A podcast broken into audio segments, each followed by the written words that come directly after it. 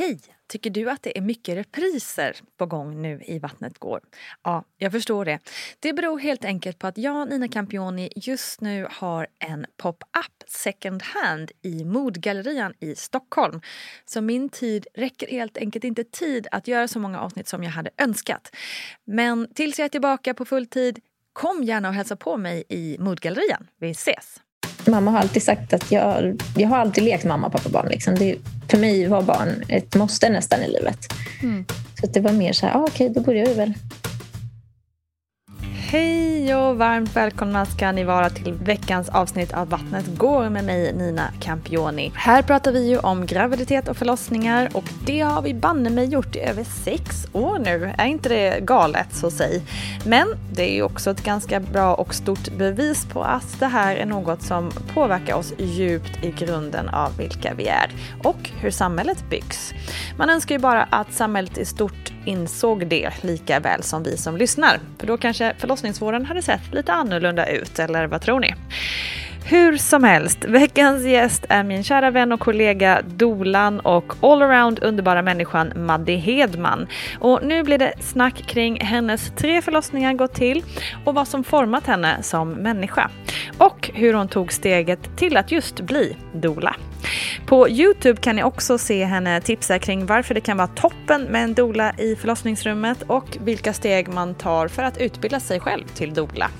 Sök bara på Nina Campioni eller Vattnet går på Youtube så hittar ni det. Nu välkomnar jag Maddi Hedman.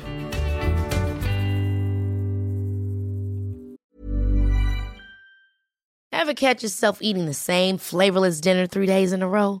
Dreaming of something better? Well, HelloFresh is your guilt-free dream come true, baby. It's me, Gigi Palmer. Let's wake up those taste buds with hot, juicy pecan-crusted chicken or garlic butter shrimp scampi. Mm. Hello Fresh. Stop dreaming of all the delicious possibilities and dig in at HelloFresh.com. Let's get this dinner party started.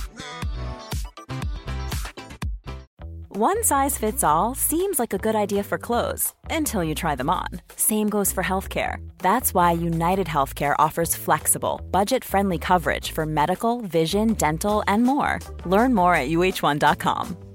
Hey, it's Ryan Reynolds, and I'm here with Keith, co star of my upcoming film, If, only in theaters, May 17th. Do you want to tell people the big news? All right, I'll do it. Sign up now and you'll get unlimited for $15 a month in six months of Paramount Plus Essential Plan on us. Mintmobile.com slash switch. Upfront payment of $45 equivalent to $15 per month. Unlimited over 40 gigabytes per month. Face lower speeds. Videos at 480p. Active Mint customers by 531.24 get six months of Paramount Plus Essential Plan. Auto renews after six months. Offer ends May 31st, 2024. Separate Paramount Plus registration required. Terms and conditions apply if rated PG. Quality sleep is essential. That's why the Sleep Number Smart Bed is designed for your ever-evolving sleep needs. Need a bed that's firmer or softer on either side? Helps you sleep at a comfortable temperature? Sleep Number Smart Beds let you individualize your comfort so you sleep better together. JD Power ranks Sleep Number number 1 in customer satisfaction with mattresses purchased in-store. And now, save 50% on the Sleep Number limited edition Smart Bed for a limited time. For JD Power 2023 award information, visit jdpower.com/awards. Only at a Sleep Number store or sleepnumber.com. Du var alltså 22 år när du fick ditt första barn. Ja, precis. Det är, eh, det är ungt ändå. Det är galet. Men du sa innan här att du kände inte dig så ung då. Nej, alltså just där och då så kände man ju sig supervuxen och kunde allt och så. Ja. Eh, men det kunde man verkligen inte, insåg man ju såklart ja. sen. Nu när jag ser en 22-åring liksom träffar, då tänker man så här, men oj, wow. Att han ens lever är ett under. men vad var det som gjorde att eh, du blev en så ung mamma? Nej, men jag har ju alltid velat ha barn och sen så eh, blev det, jag gravid bara. Det var ju inte jätteplanerat så. Eh, jag har tack och lov aldrig haft problem med det. Mm. Eh, så vi blev nog väldigt förvånade att det bara så här, att det räckte med en gång. Vilket man vet nu att det gör det. Ehm, och eh, ja, men jag har ju som sagt alltid velat ha barn så då var det så här, ja men okej då började vi lite tidigare än vad vi hade tänkt oss. Lite tidigare bara. Ehm, men sen så dröjde det ett tag innan vi skaffade nästa eller liksom blev gravida igen. Just för Ja. att det, det var ett större jobb än vad, vi, än vad jag trodde. Mm. Så. Min man var nog lite mer balanserad. Han förstod nog att det var ett stort jobb. Men alltså ändå liksom det här med att bli då gravid när man, du var 21 kanske då när du blev gravid, Ja, eller? gissar jag. Ehm, alltså hur upplevde du den när du insåg att du var gravid? Vad, vad gick genom ditt huvud? Kan du komma ihåg det? Eh, jag tänkte nog mer på åh, vad ska min man säga? Mm. Eh, så, för vi planerade ju som sagt inte att bli gravida. Men eh, jag var nog väldigt glad också innerst inne. Tror jag nog. Ja, för jag, jag ville ju ha barn. Alltså jag, jag kunde inte se ett liv utan barn. Så för mig var det mer så okej men då börjar vi lite tidigare. Eh, så. Men inga liksom så här, katastroftankar tror jag inte. Just för att det var så naturligt. Liksom. Mm. Mamma har alltid sagt att jag, jag har alltid lekt mamma, pappa, barn. Liksom. Det, för mig var barn ett måste nästan i livet. Mm. Så det var mer så här, ah, okej då börjar vi väl. Hade du flera syskon och så? Eller har du rättare sagt? Eller hade- Ja, jag är ju äldst så jag har två små bröder. Mm. Så det är så små längre. Men ja, yngre än mig. Ja, men intressant det där om det hänger ihop. Det är många som säger det som just har varit stora syster i den här podden. Som Mm. ofta har varit sto- stora systrar. Att de liksom sett sig själva som att de alltid velat ha barn. Jo, men jag tror att det hänger ihop. Jag fick ju Mm. ta hand om dem jättemycket. Alltså, I och med att det, var, det är en så stor åldersskillnad mellan oss. Mm. Så att jag har, alltså, absolut, min man är ju yngst. Han har alltid blivit omhändertagen. Så för honom var det inte lika självklart. Nej, så jag tror faktiskt att det där hänger ihop. Absolut. Ja. Mm. Hur var det då om man jämför liksom att vara gravid som 21-åring och nu är inte du lastgammal på något sätt. men, men det dröjde i alla fall några år, eh, är det sex år då näst? Ja, vad fyra det? år Fyra år, ja. Några år senare när du var gravid igen. Liksom. Var det någon större skillnad på graviditeterna? Alltså jag, kroppsmässigt var det ju det. Med första barnet så hade jag bara lite illamående. Jag mådde mest dåligt psykiskt då. Eh, men eh, med andra barnet så var det mer fysiskt. Då hade jag något Okej. som heter hyperemesis, Mm. gravidarum, som innebär att man kräks och mår illa. Mm. Alltså väldigt mycket på dagarna. Mm. Jag går inte upp i vikt och jag har ju inte så jättemycket att ta av egentligen. Så det var ju nog inte jättebra att jag drabbades av det. Och sen så fick jag även foglossning väldigt tidigt. Mm. Så det var- så illa att du till och med fick åka in eh, och liksom ligga inne och få dropp och sådär, eller hur? Nej, alltså jag, jag är ju en person som inte ber om hjälp. så eh, så jag hade väldigt svårt att ta mig dit. Men då så sa barnmorskan till mig, jag hade en fantastisk barnmorska, att du måste ringa in till eh, gynakuten och få dropp. Du måste göra det. Mm. Eh, så jag gjorde det, men där sa de att så här, nej, men det där behövs inte. Du klarar dig. okej. Eh, flera Aha, gånger. Så då till slut så slutade jag. Ja. Eh, jag fick gå på typ vätskeersättning och vattenmelon. För det var typ det enda som gick ner. Fy. Eh, Men det är också ytterligare ett bevis för att man liksom oftast inte får hjälp när man, när man ber om det. För det är Nej. inte så att det är jättekul att åka in och få dropp. Alltså det är inget Nej, man gör verkligen lite inte. skoj. Ehm, men man tröttnar ju efter att ha fått nej fyra gånger. Liksom. Och så är man ju jättesvag. Alltså jag var ju jättesvag. Liksom.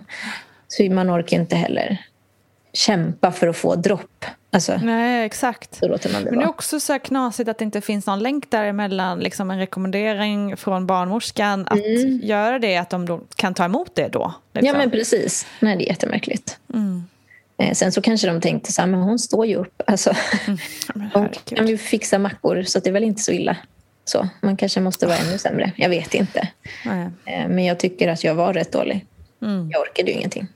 Nej, och jag menar om en barnmorska säger till det att man ska ha det, så då, Ja, då, då finns det ju en anledning. Liksom. ja jo, verkligen. Men du, du sa att du mådde mentalt inte så toppen under första graviditeten. Nej, Vad var det, eller hur mådde du då? Eller vad var det som... Ja, nej men det var väl att, att mycket osäkerhetskänslor bubblade upp. Liksom. Hur ska jag vara som mamma? Kommer jag Mm. kunna vara en, en bra partner och en bra mamma? Man har ju så mycket måsten i sina axlar som kvinna hela tiden. Mm. Eh, föreställningar om hur saker ska vara, samhällets normer och allt det där. Så det var ju mycket sånt. Och så var man ju ung och oerfaren och jätteformbar. Liksom. Alltså skulle jag bli gravid idag så Alltså jag bryr mig inte ett dugg om vad någon säger till mig. Eh, men, men där var det liksom, man tog in precis allas åsikter. Mm. Eh, vilket gör att man blir jätteosäker på vem, vem är jag ens? Vill jag ens ha det här barnet? Ja, men lite så här. Jättegalet. Var det mycket liksom så här, hur ska det här gå, hur ska du klara det här, eller vadå? Eller Ja. liksom, åh du som är så ung, eller? Ja, absolut. Och sen så liksom, jag, har ju, alltså jag gillar ju inte att göra saker halvdant. Eh, Det antar jag väl att ingen gör, men jag har så otroligt stora liksom, prestationskrav på mig själv jämt och ständigt. Och, och att vara mamma var ju inte mindre liksom då. Eh, Och då att liksom vara en, en duktig ung mamma. Mamma det, hur, hur ska jag kunna vara bättre än de här 30-plussarna som har jättemycket erfarenhet? Liksom? Mm. Eh, Men eh, ah, det gick ju bra. Alltså, man lär sig på vägen. Jag tänker att om det är någon yngre gravid som lyssnar här, så, så här alltså, lita på din magkänsla. Mm. Det blir superbra. Och liksom samhällets normer och förväntningar man har, det är ju oftast inte gjorda alltså för mammans skull eller för ens barnets skull. Det är ju för samhället som sagt. Exakt. Så att, nej, gör vad du vill. Gör vad du vill, lita på dig själv. Mm. Men vi kan ju fortsätta där då när du var ung. Hur, hur liksom såg du på förlossningen då? Ja, alltså det var väl något man tänkte att det var långt bort. Och sen när det inte var så långt bort så kom jag ihåg att jag försökte läsa någon profylax, eller lyssnade på någon prof- profylax-CD-skiva. Alltså det här var länge sedan. Eh, och jag försökte få min man att göra det, men han var absolut inte sugen på det. Liksom. Eh, och, och sen så, man förberedde sig liksom inte så mycket för, för 12 år sedan på att föda barn. Det var väl bara att gå in och, och där inne vet de väl vad du ska göra. Och, och liksom, det vill bara ta smärtlindring. Alltså, det, det fanns absolut inget sånt. Liksom. Eh, och eh, på barnmorskans typ så här, sammanfattning eller vad det nu var var det ju liksom så här, ja och så vet du att det finns epidural. Jag bara, ja det har jag hört talas om. Ja. Eh, Så att får du för ont så är det bara att be om den. Det blir jättebra. Jag Bara, ja, Okej, tack. typ den info man fick. Ja, det fanns ju inte liksom Facebook på samma sätt eller Insta. Alltså, man hade inte den informationsvågen vi har idag. Nej. Och sen så pratade väl inte folk om sina förlossningar tycker jag. Nej, exakt. Det Eller, alltså jag menar så här bekanta, alltså den, Det var ju typ därför jag startade den här podden. För att man liksom så här, det fanns ingen som sa någonting om hur det gick till. nej nej nej, Eh, man bara visste att det hände. Exakt. Men vad tycker du på, liksom så här, nu när du också jobbar inom det här? Alltså, då fanns det för lite information. Idag kanske man till och med kan säga att det finns lite för mycket. Eller vad, Ja, men det tycker jag. Ja. hur ser du på det? Jag bidrar väl till den vågen också. Alltså jag brukar faktiskt rekommendera mina klienter och till er som lyssnar som är gravida. Typ i vecka 38 någonstans där. Försök stänga av allt det här. Alltså, Mm.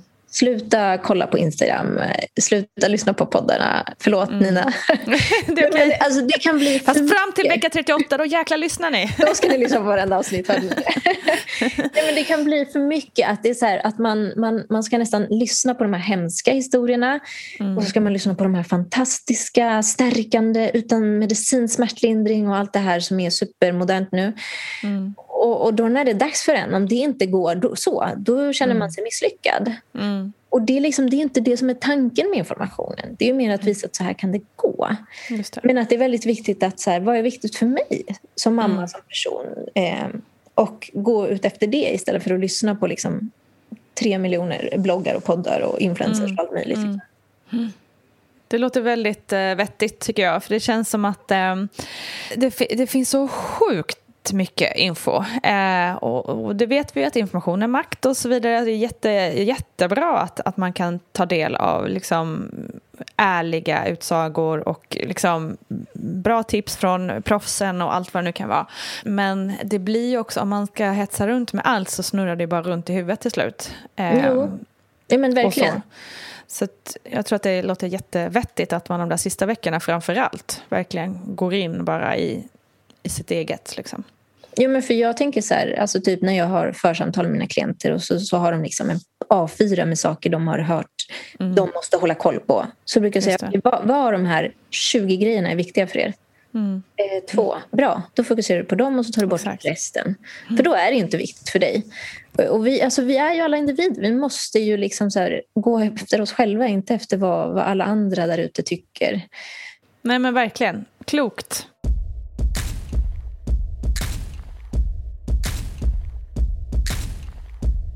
Ska vi prata lite om din första förlossning? Mm. Hur startade det? Den startade med... Alltså jag trodde ju att det var på gång typ fem gånger. Ah. Vi åkte in, in och ut, in och ut. Och min man skämdes lite. Alltså han kände att så här, nu, nu börjar vi få onda ögat här. eh, men så när det väl satte igång, vilket jag inte fattade då eh, så var det enda jag ville, det var att vara hemma. Mm. Alla de andra gångerna hade jag så här, nej man måste ringa in, nu har jag verkar här. Och, och, och. Eh, så jag sa ingenting till någonting. Jag till och med fikade med en gammal vän. Eh, liksom, det här var alltså pre-covid. Så att vi, jag gick runt på någon galleria. Hade liksom, jag hade känningar, jag hade för, verkar. Jag förstår nu att det var verkar. Eh, kom hem och så här, la mig i ett bad och bara läste lite olika så här, mammatidningar. Och bara så här, fortfarande inte sa någonting till min man. Och så kom han hem typ vid halv fem och bara varför ligger du i badet? För jag hatar att bada, det är det värsta jag vet. Så jag bara, alltså jag tror att jag, jag tror att det kanske känns något liksom. Så han bara, okej, okay, ja, men du har inte ringt mig, du har inte sagt någonting. Liksom. Jag bara, nej, men jag, jag sitter så bra här. Liksom. Eh, och jag låg där säkert i tre timmar. Liksom. Men så kom min mamma och hon eh, tycker ju att det här med förlossningar är jätteläskigt. Liksom. Hon tycker mm. inte att det här är något... Så som min syn på förlossningar och hennes syn, det är helt olika. Så hon var så här, nej men då måste, nu måste du åka in till sjukhuset. Jag ser att du har ont, jag ser att du har liksom tre veckor på tio minuter, du måste in nu. Liksom. Och jag ville verkligen, verkligen inte åka in. Alltså. Men jag åkte in för att, ja, de sa till mig båda två att jag, vi skulle åka in. Och så kommer jag in och då är jag fyra centimeter öppen. Och jag var så här, jag bara, oj wow. Liksom. wow. Vad häftigt. Så ja. eh, men direkt jag kommer in dit så känner jag mig så otrygg. Jag mm. har ju alltid haft det väldigt jobbigt med sjukhus. Jag var väldigt sjuk som liten. Mm. Jag hade mycket liksom, blodprov, mycket kontroller. Och där jag kommer ifrån i Nicaragua så finns ju kanske, eller det finns ju absolut inte det här pedagogiska i, i läkarvård. Utan det var ju liksom håll fast henne, in med sprutan. Alltså så. Oh, fy, ja. eh, så att jag, för mig Traumatiskt liksom. Trauma, ja. Mm. Alltid. Så mm. direkt jag kom dit och kände den här sjukhusdoften, det var så här, åh fy. Eh, och då blev det ju bara som en nedåtgående spiral.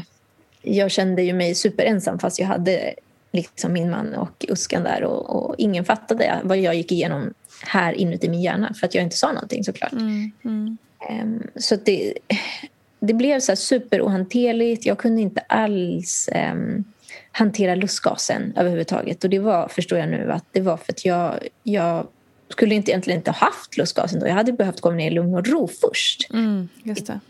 Trygghet för att sen ta mig an någonting. Liksom. Um, så jag bad om, om epidural då, för den var ju så himla bra, sa ju barnmorskan till mig. Mm. Mm. Och den var ju bra. Alltså, den var ju fantastisk. Den tog ju bort allting vilket gjorde att jag kunde sova och liksom försöka typ sortera lite tankar vad som händer och så men det som brukar hända med epidural, tänker jag med min egen dolerfarenhet också, att, att man, man öppnar upp sig men bebisen kommer inte ner utan det blir kämpigt, liksom. det blir värkstimulerande dropp. Eh, och läkaren som kom in var ju inte ett dugg liksom, sympatisk mot mig överhuvudtaget. Och eh, jag kommer ihåg att när de visade liksom, eh, surklockan så skrek jag bara, och bara nej, ni, ni får snitta mig. Liksom. Det, nej, nej, nej, det här kommer inte gå. Mm. För att jag ville, jag vet inte varför, men jag ville verkligen, verkligen inte att de skulle använda surklocka. Jag tyckte att det såg ut som en maskin från 1800-talet. Liksom. Mm, det ser ju riktigt läskigt ut. Ja, och verkligen. Men sen fick man ju inte, alltså jag, jag kan inte minnas att det var, fanns kommunikation med mig, att det fanns någon så mänsklig kontakt. Utan allt var så himla mekaniskt. Liksom. Det här barnet måste ut, ut, ut, ut, ut liksom. Och sen i efterhand när man har läst journalen så förstår jag att så, här, så himla bråttom var det inte. Ni hade ju kunnat så här, bara, nu tar vi ett djupt andetag, nu ska vi förklara för dig här. Hur, mm. hur känns det? Vill du att vi ska hålla om dig? Ja, men alltså vad som helst. Och eh, ut kom han och det enda jag sa var ju så här, jag vill inte att ni lägger, alltså nej, bara så här, jag vill inte ha honom. Eller mm. bara ta bort honom, liksom. ge honom till min man. Men nej då, honom fick jag på bröstet, så här kladdig och härlig. Vilket man, ja, absolut, det vill jag verkligen inte ha på mig mm. efter att ha genomgått liksom, en hemsk förlossning eh, med personal som inte lyssnade. Och sen när jag skulle liksom bli sydd, för jag hade ju spruckit lite och jag, då skrek jag bara rakt ut för jag, det var en sån otrolig smärta. Och mm. jag tänker nog i efterhand att det kanske inte var det kanske inte var smärta, det kanske var, var känslomässig smärta. Mm. Att jag kände mig så mm. otroligt utlämnad. Mm. Eh, och då sa läkaren liksom till mig att bara tyst, nu måste jag sy. Eh, då var jag bara tyst. Alltså, det, sen sa inte jag någonting. För jag bara, det, det var som så här, sista du vet, så här, droppen bara av det mm. hemskaste. Liksom. Mm. Och, och det, var, det satte väl tonen för mitt föräldraskap liksom, det för, mm. första året. Eh, mm. Man kände sig så totalt överkörd. Jag kan ingenting, ingen kommer lyssna på mig. Amningen funkade inte. Eh, alltså jag, jag, brukar i alla fall säga att så här, har man en positiv förlossningsupplevelse oavsett hur barnet än kommer ut så stärker det ju oftast ett, ett, ens förhållande till ens partner. Mm. Om man nu är i ett förhållande. Eh, och eh, är det inte det så kan det bli tvärtom. Och för oss var det verkligen tvärtom. Det stärkte ju inte ett dugg för jag kände ju mig att du hjälpte inte mig när jag behövde dig. Nej, exakt. Nej. Och han kände väl att du sa aldrig något. Nej, Hur ska jag veta? Jag visste mm. inte någonting. Liksom. Mm. Um, så det var ju en supertuff start för alla oss tre. Mm. Och det vet jag att vi idag kan prata om, inte jätteofta men, men liksom ibland jag och min man att så här, vad synd för min son att det blev så. Att, att han fick en sån start med såna föräldrar som var supertrasiga själva. Liksom. Eh, mm. istället för som med våra två andra tjejer som hade en, ja, men en tajt familj, en, en partner som visste precis hur han skulle stötta mig och sådär. Mm. Och har haft jättedåligt samvete också för det, tänker jag. Att, att det blev som det blev. Han har ju haft lite så här, han är väldigt känslig och så. Då har jag tänkt att men det beror säkert på mig för att jag eh, födde honom för dåligt. Jag menar så här, alla tokigheter. Mm, uh. eh, och försökt istället liksom på senare tid att försöka men se det låter så här superklyschigt, men se det positiva utav det. Ni har mm. fått växa ur, alltså tillsammans har vi växt ur den här trauman. Mm. Mm. Eh, och han och jag har ju en väldigt speciell kontakt. Vi är ju väldigt lika på något sätt. Eh, men det blev verkligen så uppenbart att, att just förlossningen sätter ju, kan ju sätta tonen i alla fall för mm. hur det blir första mm. månaderna och första mm. åren. Mm. Eh, och, och, för oss var det ju inte bra. Alltså amningen funkade inte. Jag hade ju tänkt amma, den funkade inte. Eh, uppdelningen hemma funkade inte. Jag kände mig väldigt, väldigt ensam i allt. Liksom. Eh, fast min man försökte, så det var inte så att han inte försökte. Men jag kände mig väldigt, väldigt ensam. Det fanns liksom inte den kommunikationen jag hade önskat. Och det, ja. och det kommer ju då ifrån den här jobbiga upplevelsen, den här mm. förlossningen. Mm. Eh, för så var det ju inte de andra gångerna. Alls överhuvudtaget. Liksom. Det fanns inga kommunikationssvårigheter. Det, det fanns inget så här, ja, men jag känner mig ensam här. Utan det var bara så allt bara föll på plats. Mm det, alltså, det känns väl bra att kunna jämföra hur det kan bli också tänker jag. Alltså, jag har alltid med mig det när jag jobbar. Att, att... Jag tänker att det är en jättestark liksom, sak i ditt jobb idag. Att, att du vet vad som krävs och hur man inte vill ha det så att säga. Ja. Ehm, och sen kanske också, alltså nu, nu blir det hobbypsykologi här. Men jag tänker också apropå att du gick igenom sådana hemska saker med sjukhusmiljö också när du var barn. Och sen få gå igenom lite samma sak, att du inte hade någon kontroll och ingen pratade med dig utan bara gjorde saker utan din mm. liksom, bestämmelse. Mm, samtycke, säger. Liksom. samtycke, precis. Att, eh, att det måste ju blivit förstärkt där i förlossningsrummet på grund av det du var med om som liten. Ja, absolut. Eh, och att du kanske också, jag vet inte om du har gjort det, men jag tänker att det är ju någonting som du också så här för det är också klassiskt för, som barn att man tar på sig, ja ah, men det är säkert jag som har gjort något fel så nu gör de det här mot mig. Mm. Um, att man tar på sig skulden. Och likadant som du sa att du gjorde som mamma lite, att eh, ja, men, dåligt samvete för att du födde honom fel eller sådär. Att du tar på dig skulden igen. Eh, mm. Att man liksom måste förlåta sig själv någonstans. Jo, faktiskt. I det. Eh, och det kanske är något som, jag vet inte om du kanske lyckats göra det då nu genom de andra barnen och, och sådär? Jo men det tycker jag att jag har. Mm. Alltså man har fått, man säger, jag har i alla fall fått ett mycket bättre perspektiv. Jag har förstått mm vad som gick fel, vad jag hade kunnat göra men inte gjorde och det är helt okej. Okay. Jag mm. blir inte bättre.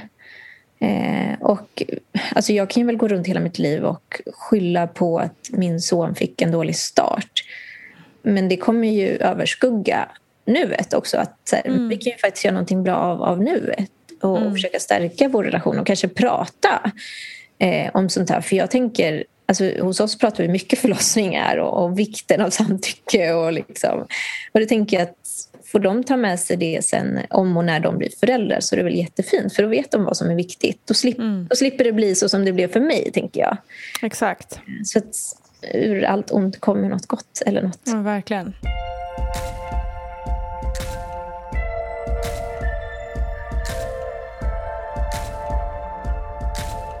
Men hemskt, jag förstår att det måste varit en fruktansvärd första tid också eh, med din son. Eh, jag känner igen mig lite i det också. Att eh, ja, men man var så liksom... För min första förlossning var inte heller eh, lyckad ur, ur ja, främst det mentala. Mm. och det spillde ju verkligen över på det, liksom, den mörbultade tiden efter då man bara kände allt, allt var hemskt mer eller mindre. Vad heter? Hur, alltså när ni väl då började prata om att eh, försöka få syskon lite längre fram. Mm. Hur gick tankarna då kring förlossningen och hur pratade ni om det då? Då hade jag väl läst på lite mer. Jag hade googlat förlossningsrädsla. För då, kunde mm. liksom, då var jag lite mer inte googling. Mm. Och hittat en Södra BB som hade mödravård och förlossningsvård i samma liksom, plan.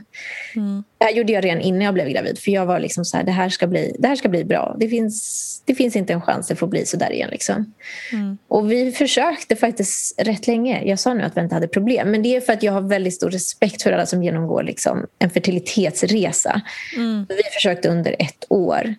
Eh, och sen blev vi, vi gravida. Och för mig är det inte ett det är inte ett problem för vi lyckades bli gravida på egen hand och det var liksom mm. bara ett år. Så, så det mm. var därför jag sa så. Jag tar tillbaka att jag inte hade problem, men de var inte så stora. ja, men det var ju väldigt respektfullt sagt. Ja, nej, men, men alltså verkligen till alla er som kämpar med infertilitet. Jag, alltså, jag kan inte tänka mig, mitt hjärta alltså, brister bara man tänker på det. Hur mm. tufft det måste vara, hur mycket det, mm. det kan tära på ens förhållande dessutom. Ja, fy. Ja, verkligen. Usch, Massa kärlek till er. Mm, verkligen. Nej men så um, när vi väl blev gravida, jag hade ju tänkt så här slå in graviditetstestet. För jag tog ju graviditetstestet när inte han var hemma och hade tänkt överraska honom, men det gick inte. Alltså jag var så lycklig och glad för jag bara kände så här, nu äntligen är det faktiskt rätt tidpunkt för både mig och min man och nu ska min son få ett syskon.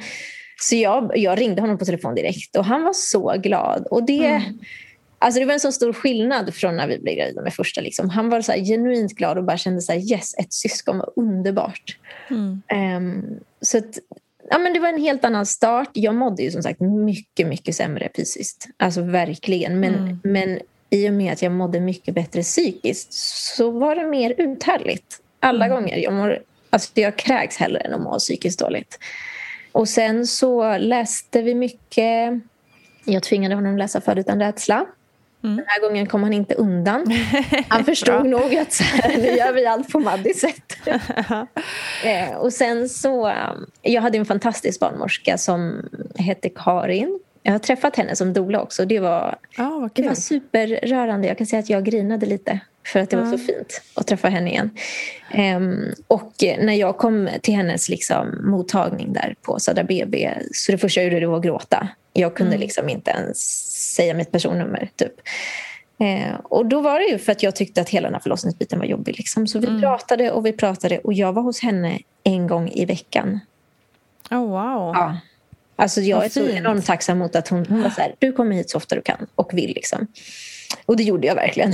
Oh, underbar människa. ja, verkligen. Alltså. Eh, så att hon är ju en stor anledning till varför det blev som det blev. Jag fick mm. ingå i någon så diskussionsgrupp med mammor som hade haft det tufft.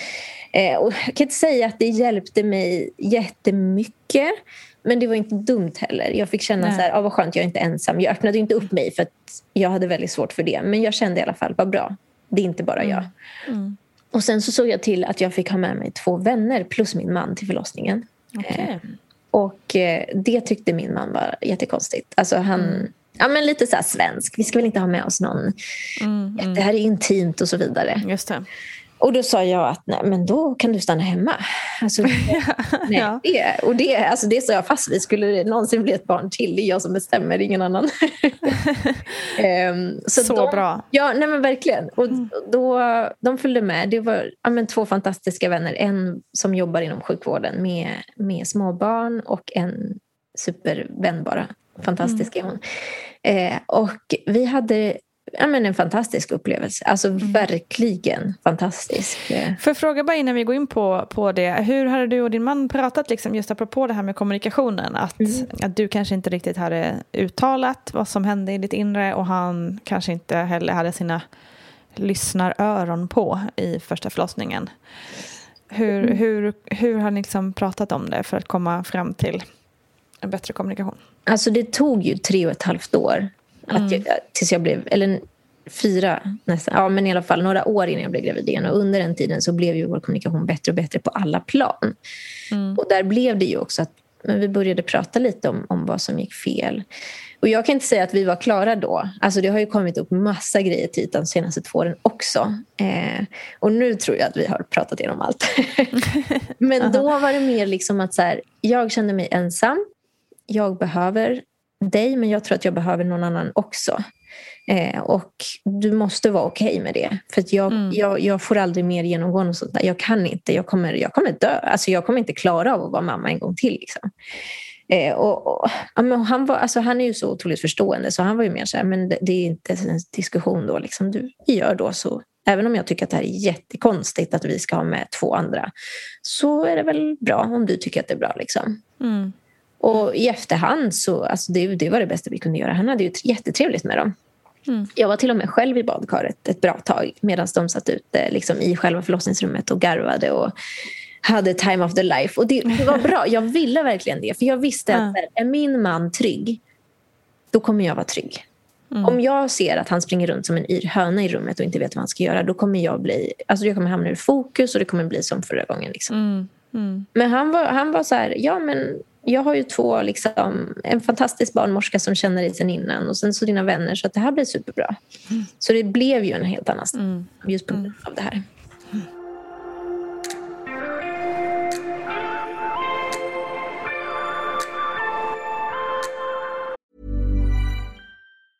Quality sleep is essential. That's why the Sleep Number Smart Bed is designed for your ever evolving sleep needs. Need a bed that's firmer or softer on either side? Helps you sleep at a comfortable temperature? Sleep Number Smart Beds let you individualize your comfort so you sleep better together. JD Power ranks Sleep Number number 1 in customer satisfaction with mattresses purchased in-store. And now, save 50% on the Sleep Number limited edition Smart Bed for a limited time. For JD Power 2023 award information, visit jdpower.com/awards. Only at a Sleep Number store or sleepnumber.com. Ever catch yourself eating the same flavorless dinner three days in a row?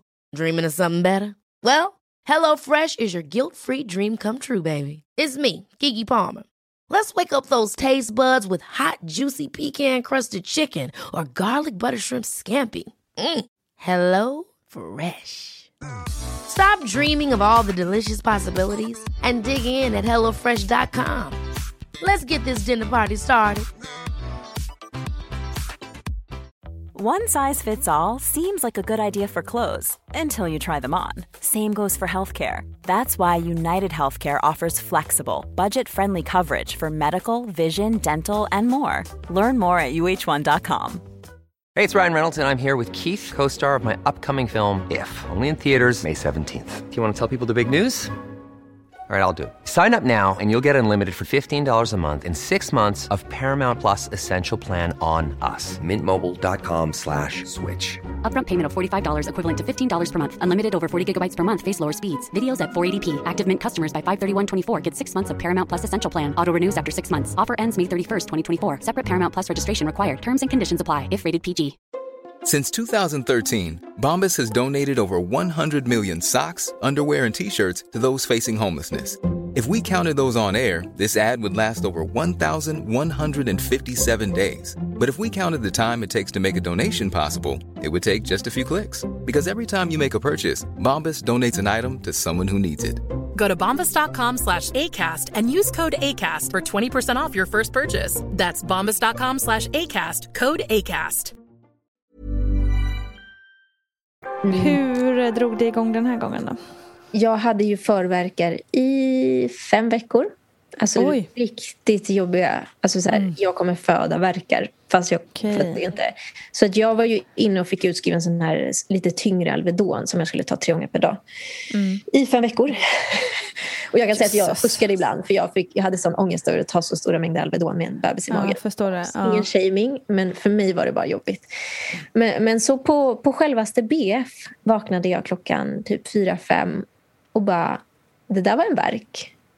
Bara så jag visste att det där var inte en förvärk, det var en verk. Ja. Upp, såg att så här, slemproppen hade släppt.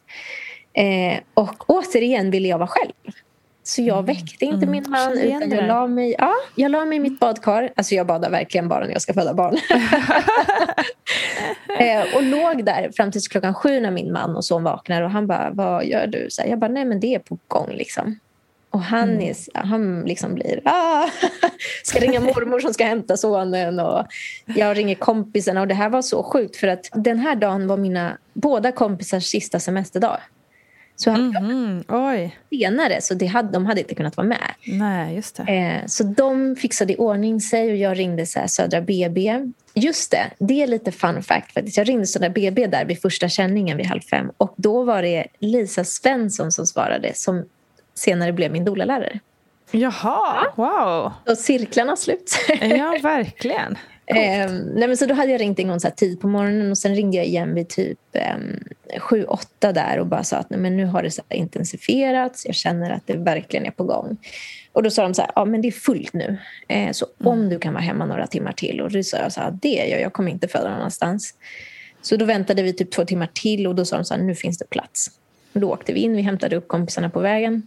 Kommer in och eh, det, det sista jag ville, för det skrev jag i mitt förlossningsbrev, jag ville inte ha CTG liksom, sådär så att man ligger ner på rygg och man får inte röra sig. Eh, Så det fick de inte göra, vilket jag, var- jag var väldigt stenhård med. Att ni får bara lyssna liksom med doppler eller med tratt. Eh, Och de var fina, respekterade det. Liksom. Och sen så um, skulle de undersöka mig, såklart. Ehm, och det var så här, ytterligare en maktåtertagande, eller vad det heter. Liksom. Att när barnmorskan säger så här, ja men nu önskar vi undersöka dig, så sa jag till både min man och mina vänner att nu får ni faktiskt gå ut. Och det hade inte jag vågat göra första gången. Nej. Jag hade bara, fast jag var superobekväm med att ta en vaginalundersökning så hade jag bara accepterat det. Mm. Eh, Men då sa jag så här, nej men ni får faktiskt gå ut. Det känns bättre för mig om ni inte är här. Eh, Mm. Och eh, då kunde jag slappna av bättre. Det var en mycket behagligare liksom, upplevelse att bli undersökt. Då var jag öppen 6 centimeter och så när Oh, min man kommer in. Eh, för jag hade ju typ inte ont. Det såg inte ut som jag hade ont liksom. Nej. Så han bara, men vad är du? Är du typ så tre kanske? Och Mm. då, då var det barnmorskan som bara, nej hon är faktiskt en sex. Och han bara, nej fy vad coolt, vad grym du är. Liksom. Ehm, och sen så hoppade jag i badkaret och låg där med liksom lustgas och tog verkar. Och... Får jag bara fråga innan vi går vidare där, apropå att du liksom, ja, med maktövertagandet som du sa. Kände du dig starkt också efter att ha bett dem liksom gå ut och... Ja, Alltså, men man kände kände sig Ja. som top of the world. Liksom. Ja. Shit vad grym jag var nu. Man liksom stod upp för dina egna känslor. Liksom. Ja, absolut. Så jäkla bra. Jag kan verkligen tänka mig. Alltså, ja, det är så stärkande. Med. även om det kan kännas tufft som du säger och svårt. Så ja, Å verkligen andra bra. sidan känns det så mycket bättre och så mycket värt det. Och faktiskt stå upp för vad man själv känner och tycker. Verkligen. Heja dig. Tack.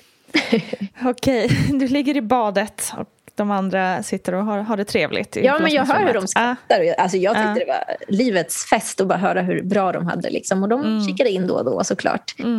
Ehm, och så fick jag krystverkar typ tre timmar senare. Och jag höll på att krysta ett tag. Alltså, jag tror att vi krystade, eller jag krystade i en timme ungefär. Är du kvar i badet då också? Ja, men jag är kvar i badet och, Mm. och har en fantastisk barnmorska. Henne har jag faktiskt inte träffat igen. Men nej, hon var helt underbar. Hon, eh, för att min dotter är född typ 2.45, alltså 14.45 och eh, då kom hon in 14.00 vid, vid liksom skift. Mm. Och hon kommer in via dörren och liksom ställer sig där och tittar på mig och bara Önskar du föda i vatten, Madde, typ? Och jag bara, ja det gör jag. ja, men det var en så fin fråga. Liksom. Önskar Mm. du att så här, det, det är på dina villkor, det är du som bestämmer. Mm. Eh, och så hon kom ut i vatten. Hon föddes i vatten och, och, och bajsade på vägen ut jättemycket. Så där låg jag i bajs. Liksom, så här, sjukt ofräscht. Tycker jag i alla fall så här i efterhand. Eh, men vad gör man inte för sina barn? Eh, Exakt. och var, mådde prima baller- ballerina. Liksom. Hon mådde så bra. Eh, och väldigt bestämd och allt möjligt. Och det är hon fortfarande. Liksom. Hur kändes det då? Ville du liksom ta henne till Ja, ditt bröst nej, direkt? alltså då? ingen Mm. fick ta henne. Nej. Det var jag som skulle ha henne. Och, och jag menar, hon hade ju bajs på sig. Men ändå så var det så här. Hon är min. Det här liksom oxytocinpåslaget man, man pratar om, när man, som man får när man föder barn. Den bara it hit me like a truck. Alltså. Eh, och det var en fantastisk... Alltså det var inte att jag älskade henne. Jag kände inte de här, åh, rosa himmel, och du, du, utan mer så här, shit vad coolt. Och den här varelsen ska jag ta hand om. Åh, vad bra det känns. Eh, så att, den önskar jag alla får känna när man föder barn. Ja, shit vilken power alltså. Ja, jätte- Underbart. Gud vad härligt att höra. Och hur, hur upplevde du då liksom jämförelsevis då med när din son kom och, och nu då dina första dagar och veckor Mm. med Det din var, nya alltså, det bebis? var en enorm skillnad. Vi hade ju bestämt på förhand att min man skulle vara ledig i fyra veckor. Första Mm. gången var han bara ledig de här tio dagarna för att det var så alla gjorde. Mm. Eh, Och nu sa jag att så här, nej du är ledig en månad, punkt. För att jag ska, jag ska amma. Jag ska få det här att funka. Liksom. Och då måste du ta hand om vår son och du ska serva mig, du ska göra allt. Liksom. Och det gjorde han. Alltså jag Mm. satt på en stol och kollade på Netflix i en månad och ammade. jo, men alltså, och det, var, det var så fantastiskt att jag fick Mm. den tiden. Och det var, så här, det var en så bra teamwork bara. Han bara rådade Mm. allt annat. Jag tänker att det är precis så det ska vara. Mm, Verkligen, hundra procent. Ehm, men jag ville verkligen inte städa eller damma av. Eller, jag ville inte göra någonting. Jag ville liksom insupa den här första månaden som inte kommer tillbaka. Mm. Och sen när han gick tillbaka till jobbet så var det liksom inga problem. För då var jag så här, amningen satt som den skulle och eh, ja, men man hade läkt, jag mådde mycket bättre i kroppen, fått in rutiner och så vidare. Och så vidare. Mm. Eh, så att jag brukar så här, peppa alla att så här, ta lite längre ledighet om det går. Alltså, eller försök typ så här, ta halvdagar i alla fall bara för att hjälpas åt första tiden. För att den är tuff, den är supertuff även om man har en positiv upplevelse. Det är ju liksom miljoner känslor som åker upp och ner hela tiden. Ena stunden är du glad, andra är du jätteledsen. Eh, och då veta att man har någon vid sin sida hela tiden gör ju enorm skillnad. Verkligen, det låter som ett optimalt upplägg ändå. Jajamän. Verkligen. Du är smart du Maddi. ja, tack, tack.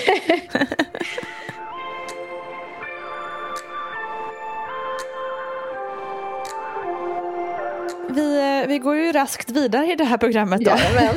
För då har, ni har ju också Spolar ett fram. tredje barn. Ja, men exakt. Ja.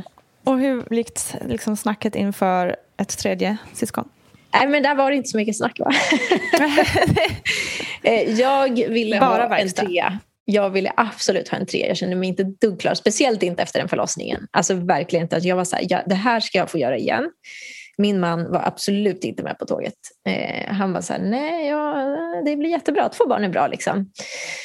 Men så blev vi gravida. För det är sånt som händer när man har oskyddat sex. Ja, det kan ju ske. Eh, ja, det kan ju ske. Eh, jag var överlycklig och min man var inte så lycklig. Ehm, men det är klart han liksom var så här, ja men alltså det, det är välkommet såklart men det var liksom inte hans plan. Eh, Nej. Nu är det, hon har ju honom lindad runt fingret liksom. Mm. Han lider väl inte jättemycket över det nu. Ehm, nej men och, och där var det väl jobbigt såklart att han, vi var inte på samma plan igen. Men, men jag var så stärkt över att snälla jag har lyckats hålla två barn levande så att det här blir superbra. Du behöver nog bara lite tid på dig att så här smälta ihop allt det där. Mm. Eh, och det, alltså det tog väl kanske två veckor så var han så här, ja ah, men det här blir kul. V- Vad roligt liksom. För det var lite tätare den här gången. Då var vår yngsta bara ett och ett halvt, så hon var ju rätt liten. Mm. Och vi var faktiskt i Nicaragua på en långresa när jag blev gravid. Jaha, okej. Så att jag började må pissdåligt i 40 graders värme. Åh, fy Och så skulle vi ha en veckas semester i Miami på vägen hem. Och vi hade liksom en superplan på allt vi skulle besöka och allt vi skulle äta. Och det var, allt var pannkaka. Jag bara låg och spydde i våran van. Liksom. Så det var, det var inte en superhärlig semester. Äh, Fy, nej, förstår jag. Men det är väl alltid så det blir när det blir oplanerat, att något blir knasigt. Det blev en bra story av det ändå. Ja, det, men det blir det.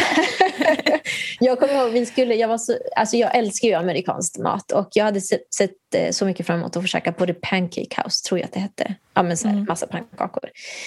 Och eh, då sa jag så här, men vi åker ändå trots att jag liksom spydde hela tiden.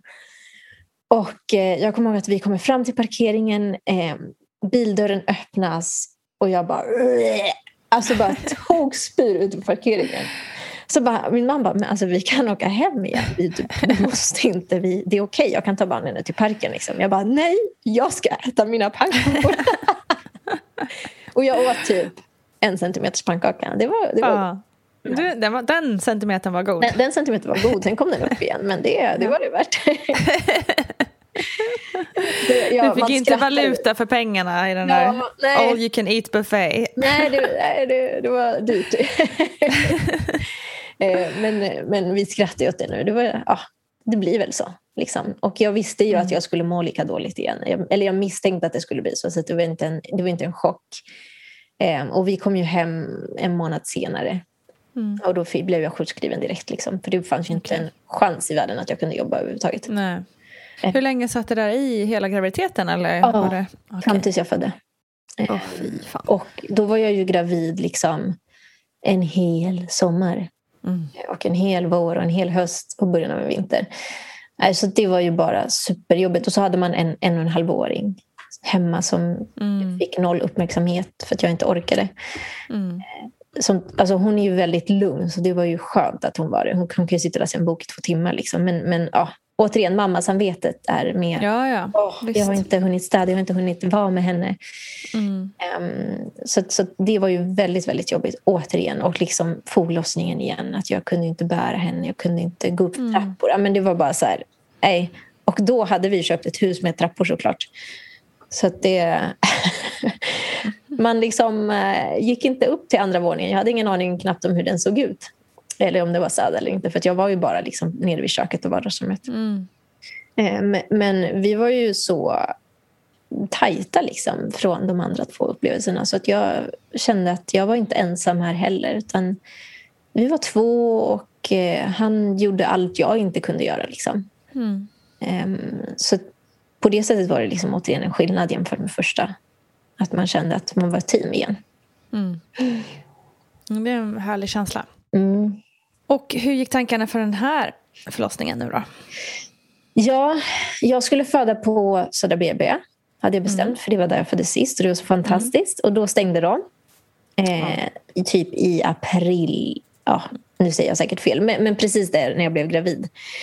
Eh, och då fanns ju BB Sofia kvar. Mm. Och då tänkte jag, okej okay, men då får det bli BB Sofia. Det är okej. Okay. Eh, men då stängde de istället typ maj, juni. Ah.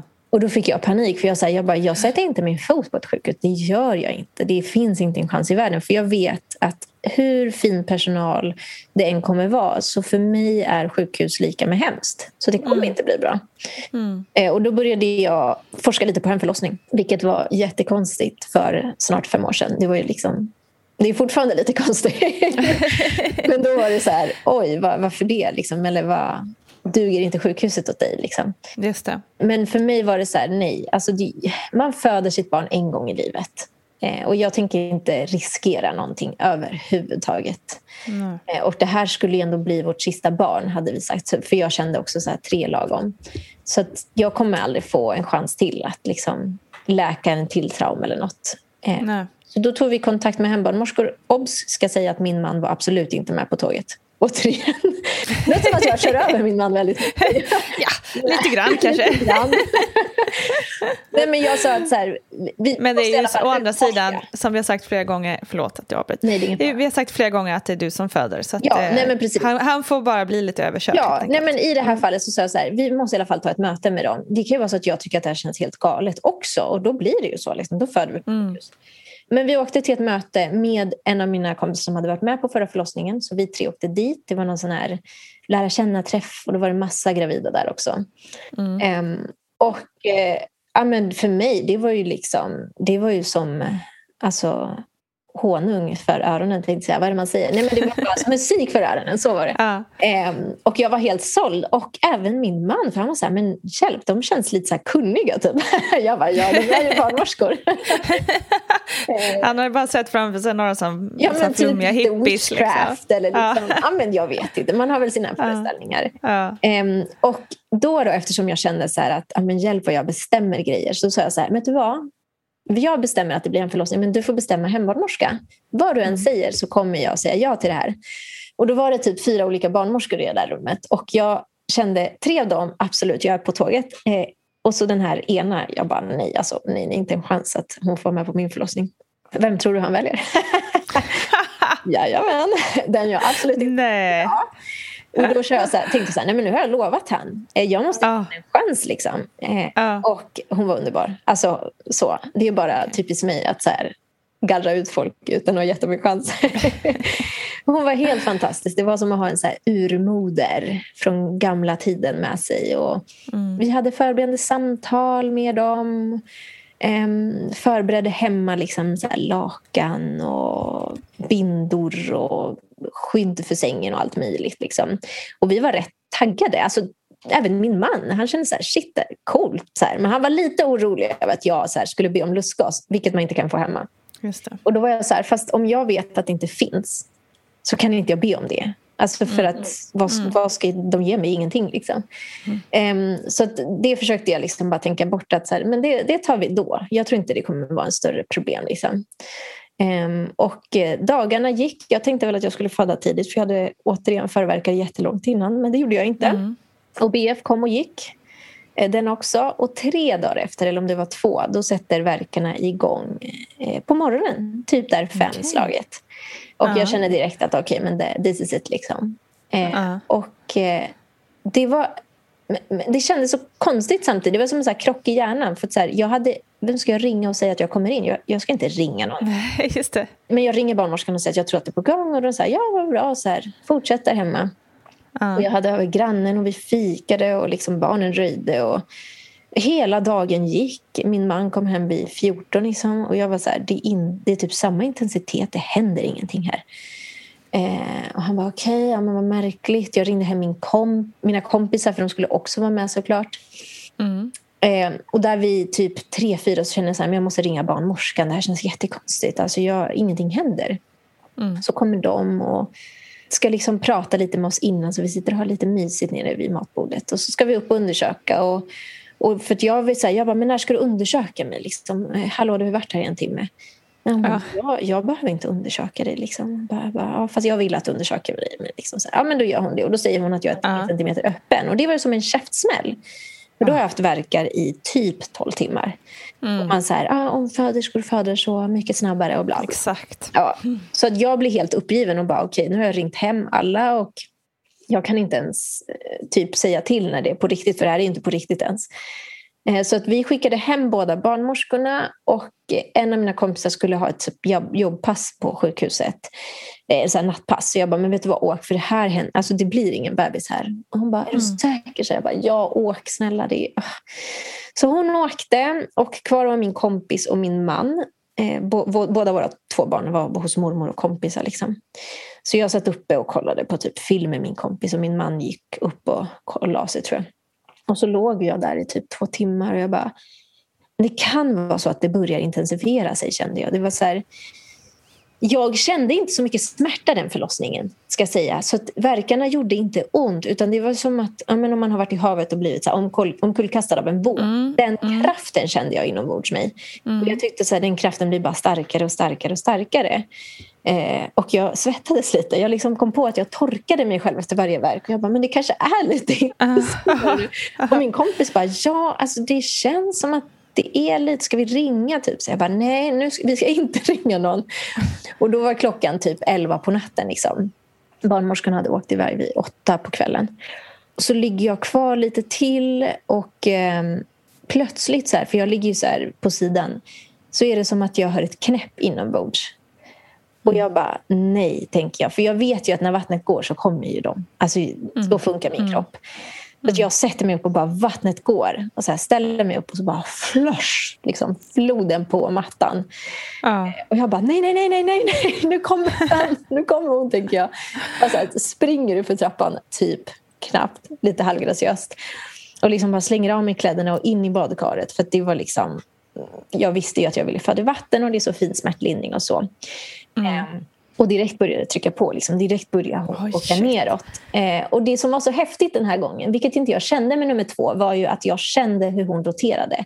Eh, Okej. Och det kanske låter lite creepy, men för mig var det så otroligt stärkande att känna så här, det är du och jag gumman. Alltså, Ja. Vi gör det här, jag är med dig på allt du gör. Liksom. Eh, och då rings barnmorskan och jag är så här, jag bara, alltså de kommer inte hinna. Och min man säger typ så här, min man och min kompis och de bara, men det är ingen fara, alltså, vi, vi kan ta emot om det. Så jag bara, ni tar inte emot någonting, fattar ni? alltså ni går inte i närheten av där nere. jag tror jag har det på film till och med när jag säger det. Fy, alltså. Så de bara, okej, okay, nej men andas, det är lugnt. Så här. Och så kommer typ barnmorskorna efter en halvtimme. Uh. Eh, och då var det som att säga, okej, okay, nu kan de komma. så mm. eh, och så fick jag följa med kroppen, liksom det här coola att man känner att det är inte jag som krystar, det är min kropp. Eh, och den lilla rackaren, hon hade mm, alltså huvudet nedåt såklart, men så hade hon även axeln så här, liksom som en superman. Ah, det var det, okay. lite bredare i omfång om man säger så. Ah, tack och jag det. kan säga att det kändes rejält. Mm. jag minns ju att jag bara, alltså det gör, då, bara, det svider något enormt. Vad är det där liksom? Och hon bara, ja det är hennes arm och huvud. Det är liksom, mm. Vi snackar ändå två, tre centimeter mer. Mm, mm. Um, så att barnmorskan lirkade ut axeln så där lite snyggt och så bara gled hon ut resten av kroppen. Den här tjejen hade ju inte bajsat direkt efteråt så jag låg i rent vatten den här gången. Ja. Eh, men däremot var hon väldigt stor. Hon vägde fyra kilo så det var som att de la okay, en sån här wow. klump på lilla mig. eh, och så skrek hon, oj vad hon skrek. Så min man till och med sa, men ska de verkligen skrika så mycket? men, men hon är så än idag. Hon, hon gör sin röst hörd. Mm. Jag, brukar, jag, jag, tror, alltså, jag tänker ändå att sättet liksom, hur de är precis när de är nyfödda, att det ändå återspeglar lite, lite hur de blir kända. Eller så har det varit för mig i alla fall. Mm. Um, och jag var så fruktansvärt lycklig där och då över att det blev prick som jag ville ha det. Jag saknade mm. min ena kompis, absolut. Men, men, allt annat var så här, det hade inte kunnat bli bättre. Mm. Uh, och det kändes så skönt, om man får säga så här, att avsluta med flaggan på topp. Att så här, jag har två stärkande upplevelser bakom mig och en upplevelse där jag lärde mig väldigt mycket om mig själv. Mm. Um, och liksom sen få använda det här för att hjälpa andra. Men det var en, en otroligt, otroligt fin upplevelse. Liksom. Barnmorskan förde lite journal, vägdes, vi klippte liksom, navelsträngen. Eh, och sen stack alla och jag bara, jaha, vi, vet vi hur det här funkar? och det gick ju bra. Men det var väl ändå att man så här, plötsligt blev ensam, liksom lämnad ensam. Inte att det var Ja. läskigt, men det var bara så här ovanligt. För på sjukhus Mm. blir du ju inte lämnad ensam. Nej, exakt. Det är så många hela tiden överallt. Ja. Eh, och sen på morgonen där så hade vi planerat att min svägerska och svärmor skulle komma och typ städa innan bebisen kommer, för de bor en bit bort här. Men då var ju bebisen redan här. Mm. Då fick de träffa henne och ta hand om oss liksom hela helgen. Mm. Eh, så Vad det var, mysigt. ja, det var väldigt, väldigt mysigt. Det låter helt fantastiskt. Ja. jag känner att jag har suttit och liksom, liksom, träningsverk i kinderna för jag känner att jag har suttit och lett hela din berättelse här. Otroligt. ja, eh, Fint det, att det är höra. ett kär minne, kan jag säga. Ja, det förstår jag. Det var väldigt fint.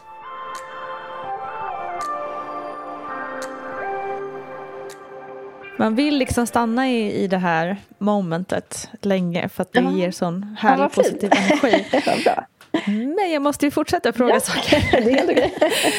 Ehm, vad var det då liksom i allt det här som du har gått igenom som gjorde att du eh, insåg att du ville hjälpa andra genom att bli doula? Ja, alltså, jag, jag liksom kom över det här ordet första gången jag läste den här boken För utan rädsla men förstod inte riktigt vad det var eller att du kan typ plugga för att bli doula.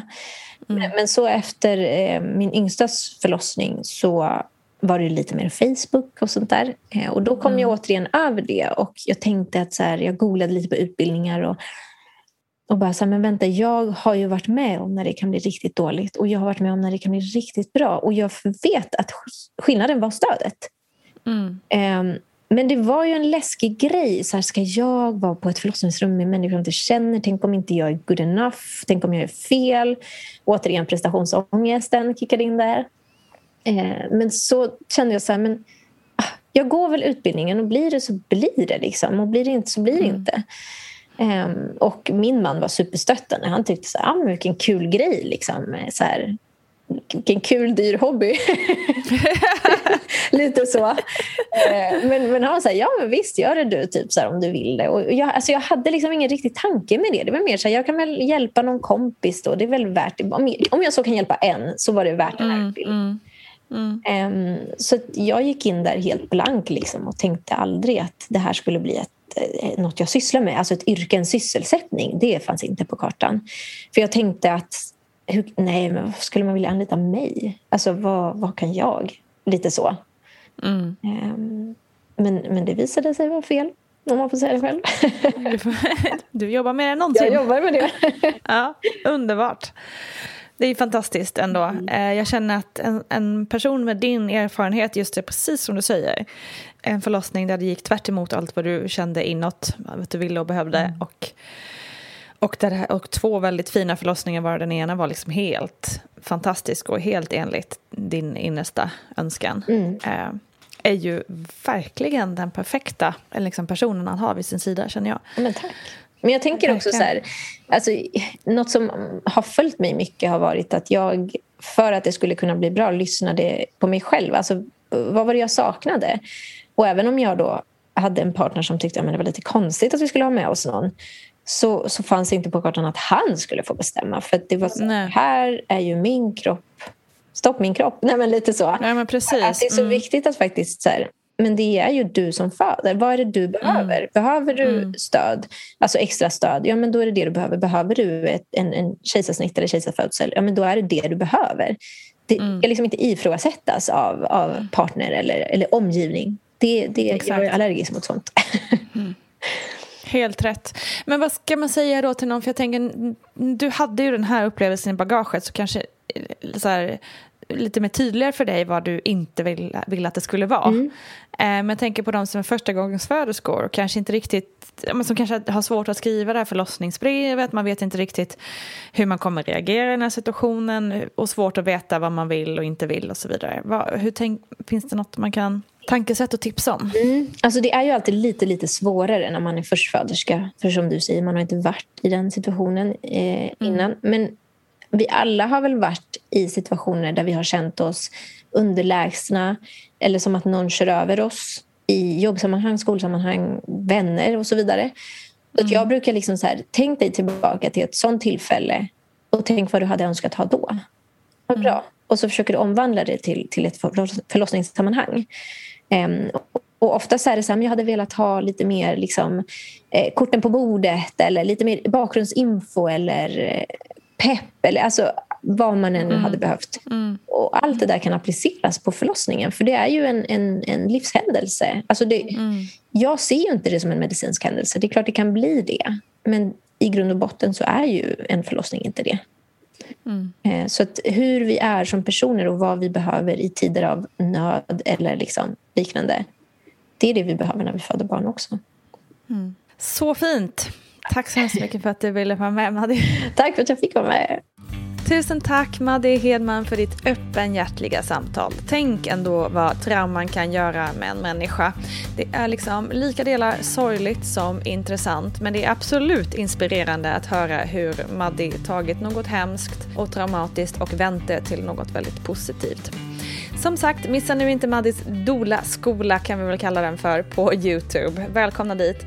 Och välkommen ska du också vara till Vattnet Gårs mammagrupp på Facebook och på Instagram. Vi ses där. Kram på er, ha det bäst.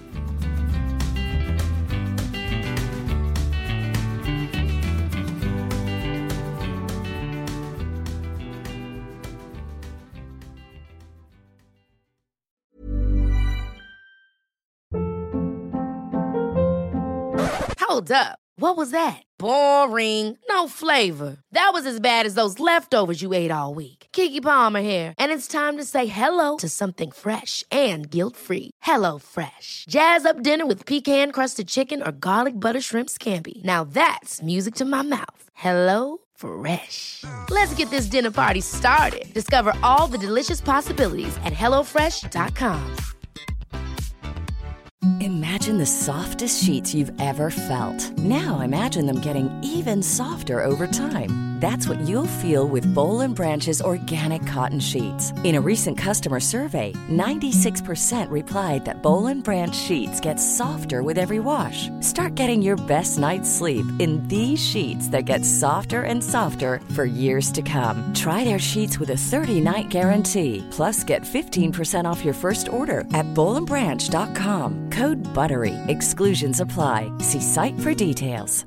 Hi, I'm Daniel, founder of Pretty Litter. Did you know cats tend to hide symptoms of sickness and pain? I learned this the hard way after losing my cat, Gingy. So I created Pretty Litter, a health monitoring litter that helps detect early signs of illness by changing colors, saving you money and potentially your cat's life. Pretty Litter is veterinarian developed, and it's the easiest way to keep tabs on your fur baby's health right at home. Go to prettylitter.com and use code ACAST for 20% off your first order and a free cat toy. Terms and conditions apply. See site for details.